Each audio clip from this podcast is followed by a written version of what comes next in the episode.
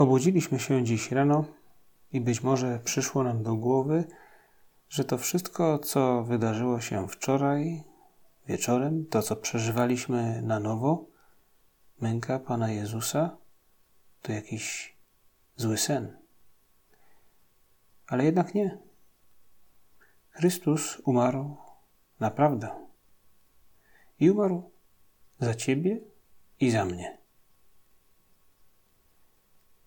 Dziś, w tę nietypową Wielką Sobotę, cierpienie, trudności, nasze, nasze życie, widzimy je odbite jak w lustrze w cierpieniu Chrystusa i także w Jego śmierci.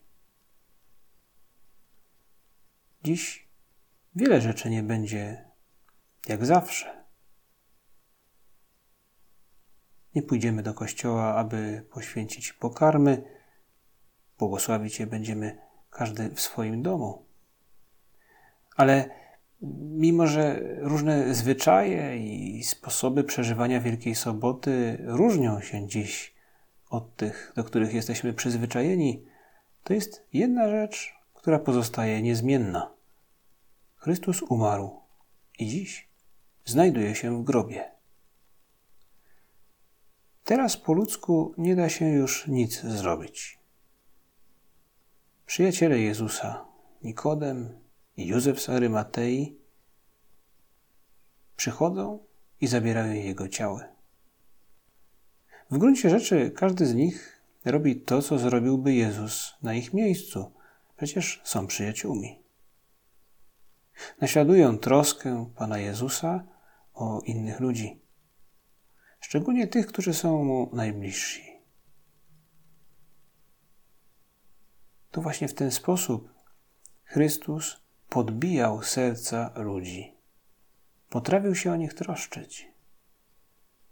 I poruszał ich serca, także wpatrywali się w niego i zapytywali, skąd on to ma.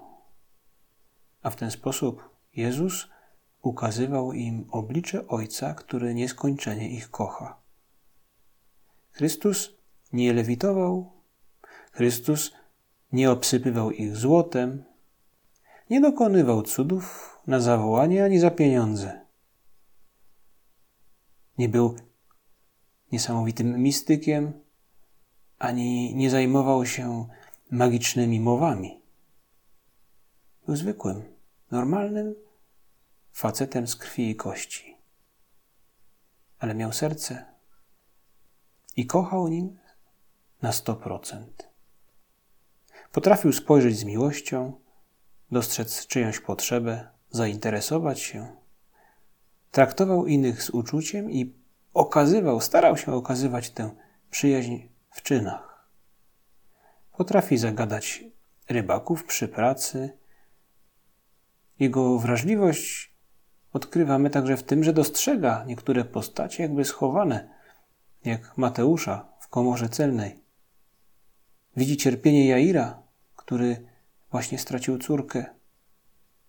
Widzi samotność chorego od tylu lat nieopodal sadzawki. Jezus potrafi dostrzegać potrzeby innych i potrafi dbać o przyjaciół, a teraz ci przyjaciele starają się oddać Jemu, Jego rodzinie, przysługę. A jak to wygląda u mnie?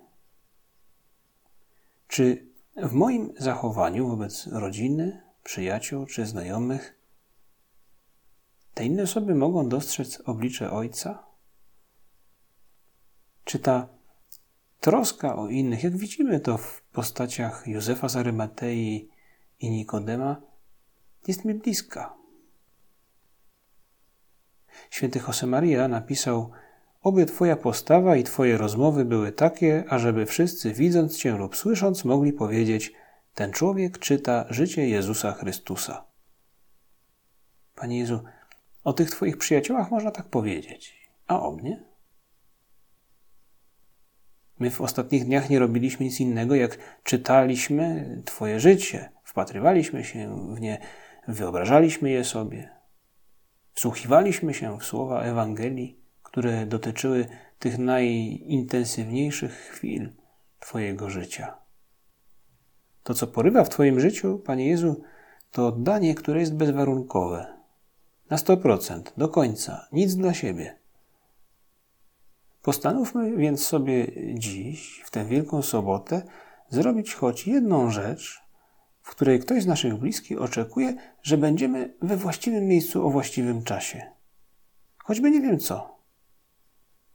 Nieważne, że tyle rzeczy mamy na głowie, że trzeba coś posprzątać, coś jeszcze do świąt przygotować, albo że coś nie wypaliło.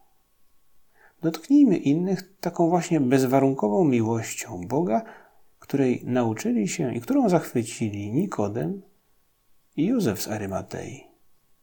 Oddajmy się innym w jednej rzeczy chociażby, do końca, jak Chrystus.